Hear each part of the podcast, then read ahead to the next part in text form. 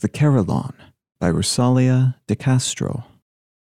I love them, and I hearken as the winds their notes prolong, like the murmur of a fountain, like a lambkin's distant song, like the birds serenely winging on their way across the skies, at the break of daylight soaring to salute it with their cries.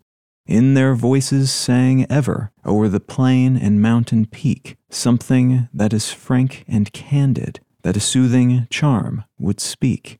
Should their voices cease forever, what a sorrow for the air, what a silence in the belfries, and the dead, how strangely bare.